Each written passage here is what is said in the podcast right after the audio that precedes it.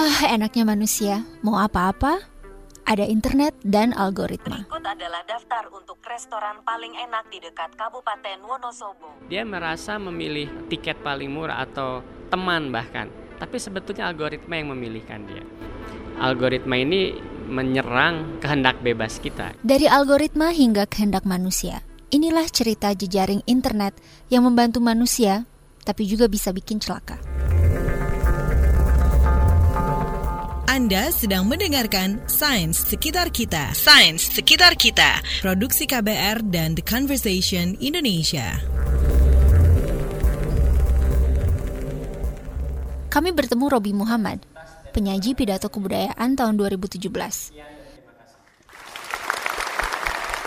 Fisikawan yang menyeberang ke sosiologi, ilmuwan dan entrepreneur yang bikin usaha rintisan berbasis analisis jejaring sosial narasumber yang pas buat ngobrol tentang algoritma. Nah, algoritma ini kan sebetulnya adalah sebuah metode yang memang pintar atau cocok sekali buat komputer karena dia memilah-milah informasi yang ada berdasarkan data-data historis, data yang ada. Jadi kalau misalnya kita mencari restoran yang enak, algoritma ini akan mencari semua data mengenai restoran yang ada, lalu dia akan dengan algoritmanya masing-masing me menyimpulkan mana yang paling cocok buat kita. Algoritma hadir di dalam genggaman kita. Di mesin pencari dan media sosial menampilkan informasi, iklan, film, lagu, dan rujukan teman yang sesuai data pribadi dan kesukaan kita. Semuanya serba disesuaikan, termasuk preferensi politik dan debat-debat yang menyertainya. Bayangkan jika ada 100 juta orang menggunakan media sosial, timelinenya berbeda satu sama lain. Maka setiap 100 orang dari 100 juta orang tersebut memiliki definisi realitas yang berbeda. Kasus mantan Gubernur Jakarta Basuki Cahaya Purnama yang disangka menista agama dan pilkada yang datang di tengah-tengahnya jadi merembet ke eh atau jangan-jangan disumbang oleh media sosial kita.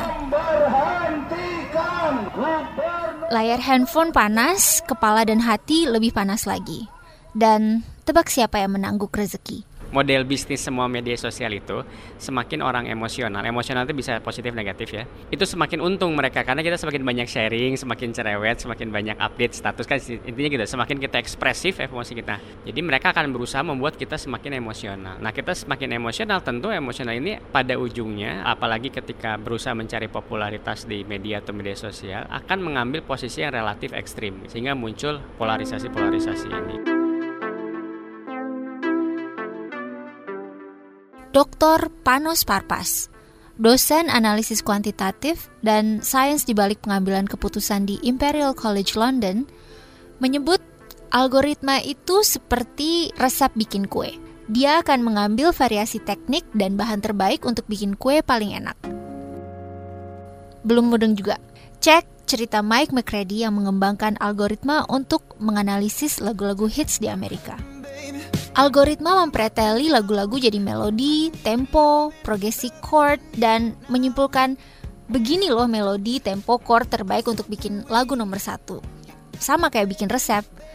Algoritma ini juga memprediksi album mana yang bakal disukai orang, bahkan sebelum albumnya dirilis. Seperti terjadi pada album Nora Jones dan Maroon 5. Langkah berikutnya bisa jadi komputer dan algoritma yang akan mengambil alih posisi penulis lagu atau pembuat resep farmasi, atau teller bank, dan lain-lain. Tapi, algoritma juga adalah peluang buat pemerintah menegakkan keteraturan dalam perilaku bermasyarakat dan melindungi kepentingan publik. Contoh lain misalnya bagaimana kita mengajak uh, warga negara melakukan pilihan hidup yang positif. Misalnya berolahraga, berhenti merokok misalnya uh, atau bagaimana agar mereka tetap sekolah kalau ada tempat menyeberang zebra cross, ya pemerintah inginnya orang nyeberang hanya di zebra cross bukan di tempat lain. Jadi kan intinya memang mengintervensi perilaku manusia. Itu tadi nyeberang zebra cross tapi tentu bisa kita perluas ke urusan pajak, urusan kesehatan, pendidikan dan sebagainya. Untuk bisa mengintervensi perilaku manusia ini,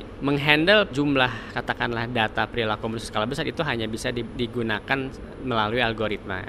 Tapi ini mau nggak mau harus dilakukan karena kan dalam sistem demokrasi seperti kita sekarang, setiap warga negara itu berhak menuntut pada pemerintah akan kebutuhan-kebutuhan mendasar mereka. Mr. Theodore Twombly, welcome to the world's first artificially intelligent operating system. We'd like to ask you... Bayangkan Anda sebagai tokoh Theodore di film Her, film terbaik Golden Globe tahun 2014. Theodore jatuh cinta pada mesin asisten personal, ya algoritma juga, yang berupa suara perempuan. Hello, I'm here. Hi. Hi, I'm Samantha. Dan itu mungkin gambaran betapa algoritma akan semakin dekat, semakin disesuaikan dengan kebutuhan kita. Dan karena itu, semakin tidak terpisahkan. Dan inilah yang menurut Robi, serangan berbahaya buat kehendak bebas manusia. Jika individu ini semakin bergantung pada algoritma, ya sebetulnya dia jadi menjadi semakin malas. Hidup dia menjadi hanya mengikuti default atau kebiasaan. Dia merasa memilih restoran, oh saya mau, tapi sebetulnya algoritma yang memilihkan buat dia. Dia merasa memilih tiket paling murah atau teman bahkan, tapi sebetulnya algoritma yang memilihkan dia. Jika manusia terbiasa seperti ini, lama-lama dia akan tergerus kemampuannya untuk hidup secara manusiawi dalam arti memiliki apa ya kesadaran, awareness ya untuk melakukan refleksi. Algoritma ini menyerang kehendak bebas kita. Oke, itu berat, tapi berharga buat direnungkan. Oke Google, makan siang enak? Berikut adalah daftar untuk makan siang enak dalam jarak 10 km. Sains sekitar kita. Sains sekitar kita. Produksi KBR dan The Conversation Indonesia.